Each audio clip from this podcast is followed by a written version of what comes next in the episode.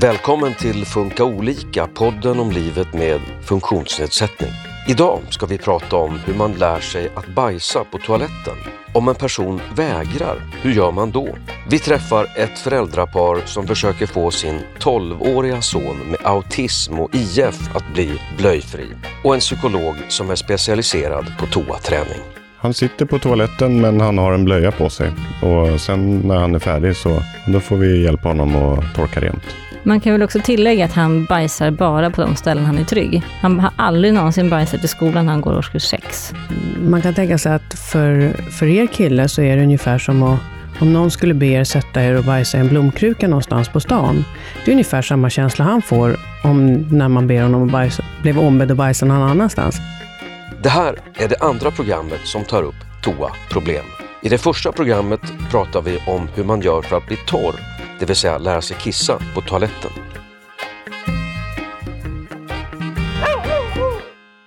Jag heter Susanne Smedberg och tillbaka i studion är psykologen Bella Berg.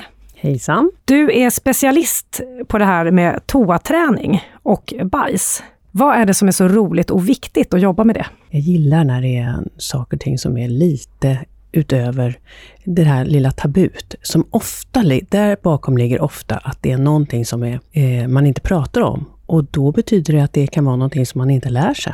Så att eh, jag tycker att det är väldigt viktigt att våga prata om kiss och bajs, för att man ska få hjälp att lära sig när det är lite svårt. Och det ska vi ju göra idag tillsammans med Caroline och Pelle. Hej! Hej! Ni är föräldrar till eh, Noah som är 12 år och eh, han har diagnoserna autism och intellektuell funktionsnedsättning och ni jobbar med att försöka få honom att bajsa utan blöja. Lite kort bara, vem är Noah? Noah är eh, 12 år. Han är eh, oftast väldigt glad, eller levnadsglad kan man väl säga att han är. Men när han inte vill så är han väldigt bestämd och ofta blir han då väldigt arg. Så det är antingen väldigt glatt eller väldigt argt, sällan däremellan. Och om vi går in på det här med toaproblemen då. Berätta lite, hur ser det ut för Noah när det gäller just toalett? Där vi är nu så går ju han och kissar själv. Och han kan till och med bryta roliga aktiviteter för att gå och kissa. Om man har surfplattan eller film så kan han gå och kissa. Han kan också säga till att han vill ha en blöja att bajsa i. Det vi jobbar med är att hitta alltså hans, när han behöver bajsa, att få det liksom regelbundet. Och att också att han ska komma upp på morgonen att, och kissa, eftersom han sover i blöja. Så han har blöja på natten, inte annars, men ber om det när han ska bajsa? Ja, och sen så får ju vi ibland påminna nu var det länge sedan du bajsade, jag tror du behöver en blöja. Och då är han aldrig liksom att, nej jag behöver inte blöja. Han säger, ja, jag behöver en blöja. Sen kan jag ju sitta en halvtimme och inte bajsa. Sen kan jag säga, nej det kom inget. Och då var det ju fel tillfälle, tänker jag. Och när han har fått på sig den här blöjan då, var bajsar han någonstans? Då sitter han på toaletten numera. Eh, det har varit lite krångligt att få det till att att han ska sitta på toaletten och bajsa. Men eh, nu gör han ju det. Det ju, brukar nästan aldrig hända att han gör det någon annanstans. Och det, brukar, det är väldigt länge sedan det hände någon olycka, liksom att han bajsade direkt i kalsongerna. Han sitter på toaletten men han har en blöja på sig. Och sen när han är färdig så då får vi hjälpa honom att torka rent. Man kan väl också tillägga att han bajsar bara på de ställen han är trygg. Han har aldrig någonsin bajsat i skolan när han går årskurs 6. Han bajsar hemma hos oss och hemma hos sin farmor. Och eh, ibland på korttids. Ja, men det är väl ungefär där han har bajsat. Har han aldrig problem på grund av det då? Att han blir, får ont i magen eller så? Han säger ju aldrig att han har ont. Det gör han i och för sig sällan. Men jag tycker inte att det känns som att han är förstoppad heller, när bajset väl kommer. Nej, men det, ja, det händer väl ibland att det känns som att ja, men nu kanske han har hållit sig onödigt länge. Liksom. Att det skulle varit bättre att gått lite tidigare. Men eh, ja, det är liksom in, vi har inte behövt söka hjälp för att han är förstoppad. Det har vi inte behövt göra. Vet ni vad det beror på det här med att han inte vill bajsa utan blöja? Nej. Nej. Det går inte att få något svar från honom om det. Alltså han pratar ju ganska mycket, men det mesta han säger det är inte så adekvat. Eh, och ställer man en konstig fråga så får man antingen svar på någonting helt annat eller så så svarar han väl inte alls kanske. Nej, men jag kan tänka mig att det också är, han vet hur det är att bajsa i blöja. Och han kan inte föreställa sig hur det skulle vara att inte göra det. Eh, Det går liksom inte att förklara för honom och prata med honom om det. Nej, och jag har ingen känsla att han stör sig av att vi torkar honom med rumpan efteråt liksom heller. Har han någonsin bajsat i en toalett? Ja, det var nog tre gånger för sex år sedan. Det var nog i samma veva som vi höll på att träna honom att vara blöjfri på dagarna.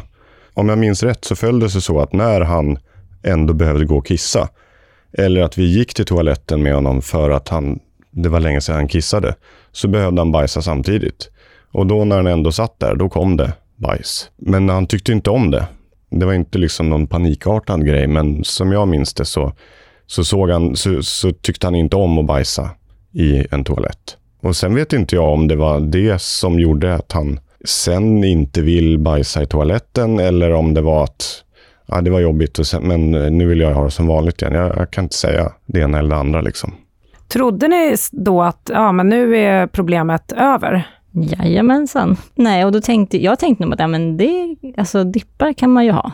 Men han var helt omotiverad att bajsa i toaletten. Och då, för sex år sedan, då, då var han ju inte ens inne i badrummet alla gånger han bajsade. Då stod han ju på ett bekvämt ställe och nästan gömde sig. Men det, är ju också, det var ju också ganska vanligt att ja, vi sa godnatt, satte på honom blöja och sen så, så hör man efter en stund inifrån att ha, han har bajsat. Då har han ställt sig upp inne i sitt rum efter att vi har satt godnatt och så har han bajsat i blöjan då. Så ja, det, antingen så missade vi chansen att fånga upp det som var det, det som höll på att bli jättebra eller så var det en skräckupplevelse eller ja, det kan man ha många teorier om. Jag har inte, vi har inte grävt så mycket i det egentligen. Men... Bella, vad kan det finnas för skäl att inte vilja bajsa i toaletten? Det är ju vanan att bajsa som man alltid har gjort. När man är en liten, liten bebis så får man ju blöja och då, bajs, då har man inga idéer om hur det ska vara eller inte vara. Och är kosten lagom, eh, oftast amning, så bajsar man liksom bara. Sen fortsätter man med samma rutin eller samma beteende. Och då är det ju så med våra barn som har funktionsnedsättningar att de blir väldigt, eh, fastnar gärna i sin ritual. Så de vill inte göra det på något annat sätt. Och sen blir den ju rutinen mer och mer befäst. Så att eh, jag tänker att det låter ganska vanligt det ni beskriver.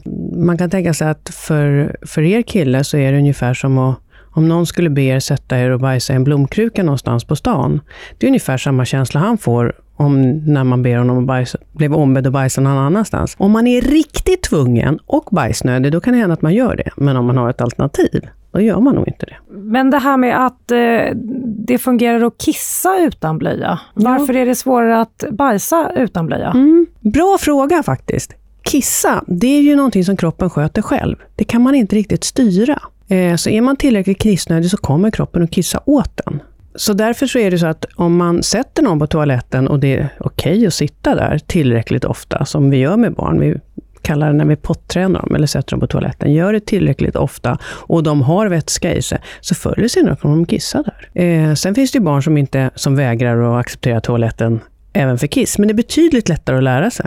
Vad krävs egentligen för att en person på egen hand ska kunna gå på toaletten och bajsa? Och det är ganska många saker som man måste ha koll på för att gå på toaletten. Ett, man måste tycka att det är okej okay att sitta på den här toaletten. Man behöver ha, vara nödig och man behöver ha en tillräckligt mjukt bajs för att man ska vilja bajsa. Och så behöver man också kunna hitta till toaletten. Och sen är det en massa andra saker som behövs för att självständigt sköta toaletten, som att kunna torka sig, tvätta händerna, spola, alla de här bitarna som är runt omkring, innan man låter någon sköta toaletten själv. Man kan säga, eh, vanligt för att man inte lär sig bajsa är att man eh, inte riktigt förstår vitsen med att byta. Man är så van vid den här blöjan, så det är en blöjritual. Eh, och sen är det att man eh, kan det vara som ställer till det att man är lite förstoppad. Och det här är ju faktiskt ett jättestort allmänmänskligt problem. Eh, och ett av skälen till att jag började bli intresserad av det här överhuvudtaget, för folk vet inte om att de är förstoppade eftersom vi aldrig pratar om det. Så man tror att det är rimligt att bajsa var tredje dag till exempel. Det är många människor som gör det. Man har bara successivt långsamt lärt sig att man har lite tjorv i magen och man kan inte koppla ihop det med att man bajsar lite för sällan. Eh, så det kan vara en lång process för vuxna människor eh, utan några som helst funktionsnedsättningar att lära sig bajsa regelbundet. Hur ofta bör man bajsa då? Man bör bajsa en gång om dagen. Det man kan säga att det finns de som mm, det är normalt att bajsa upp till tre gånger om dagen. Eh, och man säger också att det är okej okay att bajsa var tredje dag. Men då har man också ont. Det betyder inte att man är förstoppad, för man får ju ut det regelbundet. Men det betyder att man har ont i magen och inte är så förtjust i att bajsa. Och det kan bland annat bero på att man inte har lämpliga regelbundna tillfällen och en kost som inte hjälper en på traven. Om man då har lite svårt att bajsa och vill få in en bättre bajsrutin, vad kan man göra då? Det viktigaste för att eh, få en fungerande mage och bajsrutin, eh, det är kosten. Och faktiskt något så enkelt som att man dricker mycket, helst vanligt vatten. Och när man dricker så gör vätskan att bajset blir mjukt och utan klumpar hela vägen genom tarmen ända ut genom bajshålet. Och då är det skönt att bajsa. Och somliga människor behöver mer vätska, men också mer lugn och ro än andra för att bajsa och få en eh, mage som fungerar. Det finns också läkemedel som hjälper till att hålla, behålla bajset mjukt. Och de heter till exempel Movicol och Forlax om man inte klarar av att dricka själv. Vad fick er att ta tag i Noas toalettproblem? Men det har mycket att göra med ålder. Det är bra om han blir självständig, att han kan gå på toaletten. När började ni se det som ett problem? Eller när förstod ni att ni behöver hjälp med det här? Vi bad nog om hjälp redan med att vänja honom av med blöja för att gå och kissa. Då hade vi kontakt med... Autismcenter för småbarn, va? Ja, precis. Och då var han ju fem, sex års åldern när vi började med det. Och då och då fick vi ett schema, eller liksom en dagordning hur vi skulle göra. Och det gick ju nästan efter protokollet. Ja, att vänja honom av med att kissa i blöja gick ju relativt lätt. Ja, I alla fall om man jämför med hur lätt det har gått att vänja honom av med, då, med att bajsa i blöjan, så gick ju det väldigt lätt. Men det kändes som att det var en förlängning då, att nu är han alltså torr och då ska man väl också bajsa på toaletten. Så jag, jag tänker att från början var det nog inte ett problem. Då var det som att nu, den naturliga fortsättningen är att man bajsar på toaletten. Ja, alltså problem, jag vet inte. Det är klart att man skulle ju kunna gå med blöja även som vuxen, men de flesta gör ju inte det. Så att vi vill väl att han ska vara så mycket som andra som möjligt. Och vad har ni gjort då? För ni sa att innan gick han iväg mm. för sig själv. Nu är han ändå på toaletten. Ja, men alltså, ja, precis. Och det var ju en, bara det var en lång process att få in honom i badrummet. Och sen när han kom in i badrummet, då skulle han ju också sätta sig på toaletten. Och i början så då hade vi ett schema för att han skulle närma sig toaletten. Han fick komma närmare och närmare och då fick han ju ha surfplattan som förstärkare. Och då var det också så att då var vi tvungna att vara nära. För vid den här tidpunkten så var han väldigt så här, men du kan gå härifrån. Och det ville ju inte vi riktigt, för då visste vi att då ställer han sig upp eller går någon annanstans, eller liksom gör som han vill. Så då var vi liksom tvungna att ha ett ärende i badrummet samtidigt som han skulle sitta och bajsa. Och hur länge kunde ni sitta i badrummet då? då? Det var många eftermiddagar som jag var i, i badrummet. Alltså det, har väl, det, det blir lätt 20-30 minuter i alla fall. Ja, i början var det ju längre än så. Ja. Jag kommer inte ihåg hur det sen gick. Men han accepterade till slut att man sitter på toaletten. Och i början fick ju han, så fort han satt på toaletten, fick han ju ha surfplattan. Eh, och det har vi ju frångått nu. Så nu har han ingen förstärkning för att komma och sätta sig på toaletten med blöjan på och bajsa. Eh, vi gjorde ju ett försök att vänja honom av med att bajsa i blöja när han var i 5, 6, 7 års åldern och sen så till slut så avbröt vi det för att vi tyckte att det händer ingenting. Det, och vi kände att det blev all tiden med habiliteringen gick åt att prata om bajsande och vi kom ingen vart mer. Så att vi gjorde ett uppehåll och sen så började vi igen och det är ungefär för två år sedan. Om jag har, jag mm. försökte kolla i anteckningar och då, jag tror att det, det var väl egentligen först då för runt två år sedan som vi faktiskt fick in honom i badrummet. Att det blev etablerat. Men sen då när vi väl hade fått honom till att sitta på toaletten, då kunde det också bli så att han sa att han behövde bajsa bara för att, aha, då kan man ju få ha surfplattan. Men ja, det är just nu så känns det som att det, det har vi kommit förbi nu. Att det är i alla fall befäst att han ska sitta på, han ska sitta på toaletten eh, med locket öppet och blöja på. Men han behöver inte ha surfplatta. Det låter som att ni har jobbat ganska länge med det här, men var det något steg i det här arbetet som gick lite smidigare än de andra? Nej, det skulle jag inte säga. Vad har varit svårast då, hittills? Alltså, det var ju en period när vi hade fått honom att sätta sig på toaletten. Då skulle man också klippa hål i blöjan. Och det gick bra första gången när det var ett litet, litet hål. Och då tror jag att det var nog jag som kände, ja men det här går bra. Vissa större hål och större hål.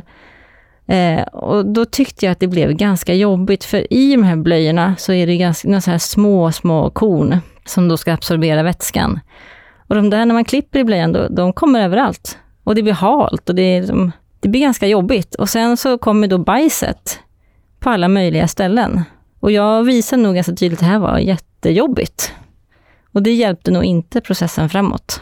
Vad tyckte han själv om just eh, att bajsa genom det här hålet? Var det i sig ett problem för honom? Inte när det var ett litet hål, eh, men när det var större, det var det otrevligt. Ja, när det var så stort att det faktiskt kunde trilla ut bajs Mm. genom det, då, då satte han sig på tvären. Då märkte vi väl egentligen också att han började hålla sig för att få slippa det här. Och då insåg vi att vi måste backa. Och då backar ju vi till att inte ha något hål alls. Och det kan ju kanske med facit i hand vara att gå tillbaka för långt. Men just då kändes det mest bekvämt.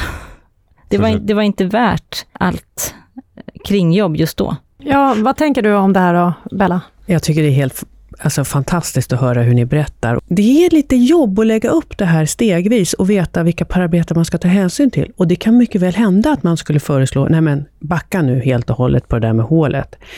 Och sen får man utvärdera vad det... Ibland blir ju liksom förslagen kanske inte helt perfekta. Precis som det är så många parametrar att väga in för er, så blir det ju det för någon utomstående också. Så då får man liksom utvärdera och så får man fundera på hur kommer vi tillbaka. Vad brukar föräldrar uppleva svårt i den här träningen? Det första svårigheten är väl att man har undvikit det lite för länge. Det vill säga man tycker att det ska lösa sig lite av sig självt.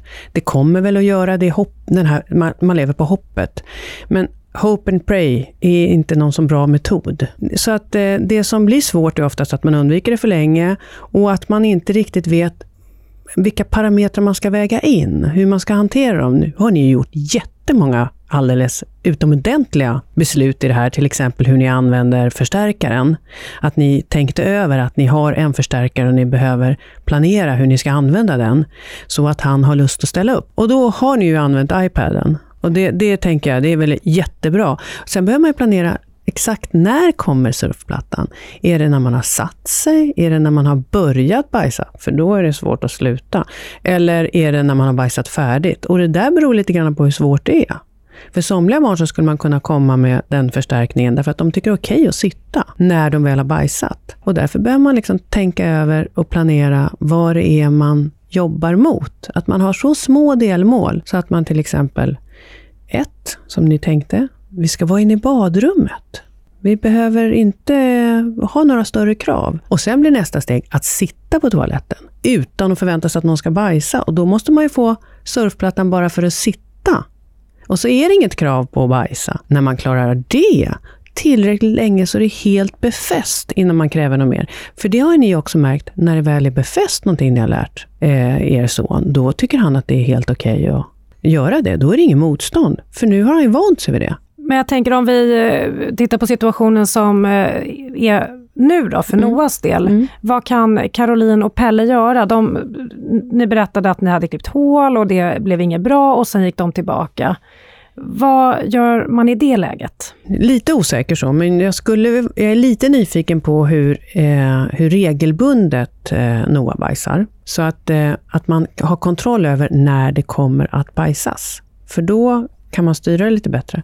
Så, och det kan man göra genom att planera lite grann när är rutinen för bajsandet. Så att den är mycket mer uppstyrd och händer ungefär exakt samma tidpunkt. Och att det vid den tidpunkten är väldigt mycket lugn och ro. Så att man planerar runt att vi har tid då och det är då han kommer behöva bajsa och då kanske man behöver sätta igång den. Och då är det ju så att tarmen funkar bäst. Eh, alltså den jobbar och rullar runt och vill ha ut bajset. Till exempel när, när man har klivit upp på morgonen 20 minuter senare eller när man har och eller när man har ätit och druckit. Då får man också igång det här. Eh, och sen finns det ju också, om det här är tjorvigt att få till, att man, det, grejen är att när man sitter på toaletten så har man någon som är bajsnödig, men faktiskt inte bajsar.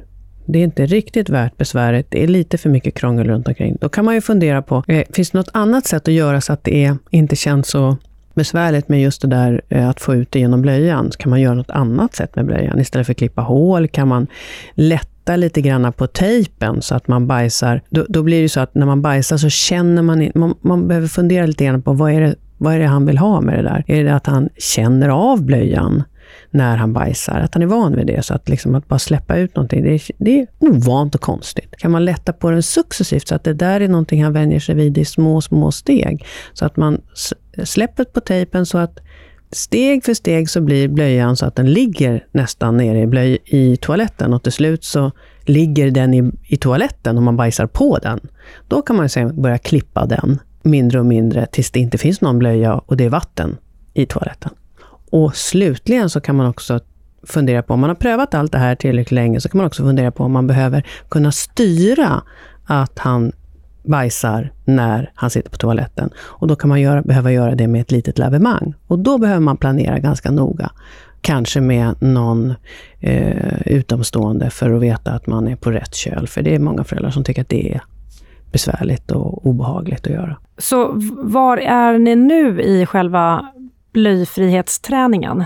Jag tänker att vi behöver ju lite grann kartlägga när, när behöver han bajsa?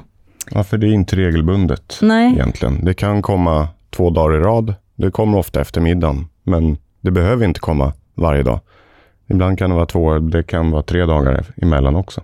Och sen kan det ju vara att, jaha, det hände när han var hos farmor eller när han var på korttid. Så ska man ha med dem på exakt samma plats som man själv är. Det, det är lite svårt att synka. Hur gör man för att samordna sig kring det här? Alltså, med Kortis har vi en bok där de, de skriver om han har bajsat eller inte. Och då vet ju vi om vi ska vara på honom lite extra eller om vi kanske, om, har han bajsat, då kan vi kanske eh, släppa honom lite mer. Och vad gäller farmor så får vi fråga, alltså vi frågar ju, har han bajsat? Mm. Så vi vet. Men det jag också vill tillägga här, det är ju att det här hade vi inte kunnat göra utan habiliteringen. För när man står i vardagen med de här himla blöjkulorna och bajset överallt, då är det ju lätt att nej men jag skiter i det här. Och sen när man då går och träffar någon som har funderat på det här, då blir det väldigt mycket log mer logiskt. Ja, det är det här vi ska göra. Det är hit vi ska jobba. Och det är då vi har tillfälle liksom att tänka tillsammans också. I vardagen tänker inte vi tillsammans. Det är mer så här, har han bajsat? Nej, okej. Okay. Alltså, vi går inte så jätteplanerade i vardagen. Men när man väl kommer till habiliteringen, då får vi verkligen tänka till.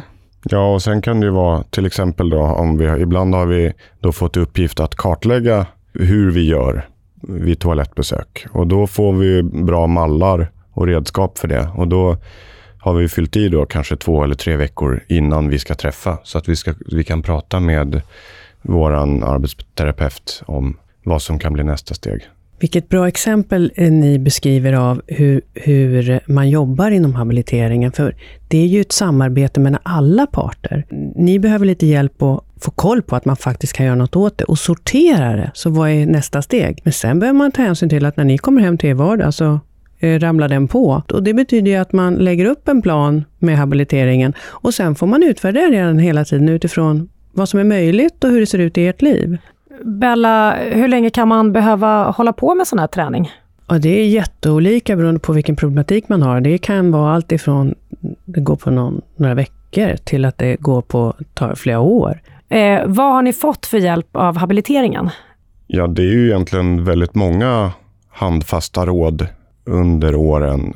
Det är ju många år som vi har jobbat med det. Men det är ju också så att fann, när vi började vänja honom av med blöja så var det inte ovanligt att han bajsade i kalsongerna istället. Och när det har hänt ett par gånger då, då kanske man skulle vara benägen att ge upp och börja med blöja igen även på dagarna.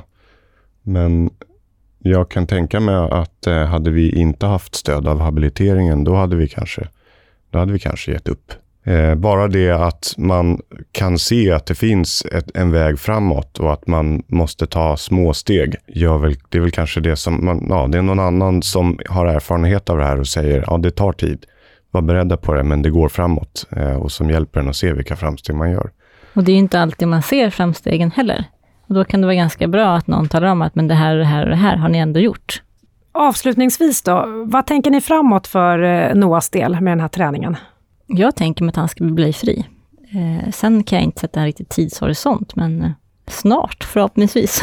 Ja, nej, men det är väl det som är, det är det som är målet. Att han ska kunna bajsa på toaletten som, som vanliga människor. Och det kan ju såklart vara svårt att motivera varför är det viktigt. Alltså han tycker ju inte att det är pinsamt att behöva använda blöja. Han ser inga som helst problem med det. Eh, men någon dag kanske kommer eh, att han inser att ja, men det här går ju faktiskt smidigare att inte göra, inte göra i blöjan. Så det är väl att man tänker att det för hans skull i, i det långa loppet är det bättre. Och då säger jag tack till dig, Bella, psykolog på Habiliteringens resurscenter. Tack själv. Och stort tack till er, Caroline och Pelle. Tack. Mm, tack för att vi fick- komma. Och tack till er som, att, som har lyssnat. Hoppas att ni har fått eh, några eh, handfasta råd här nu, ifall att ni har de här problemen själv hemma. Du har lyssnat på Funka olika, en podd från Habilitering och hälsa som är en del av Region Stockholm. I nästa avsnitt diskuterar vi sömnsvårigheter hos barn med funktionsnedsättningar och vad man kan göra åt det. Lyssna då!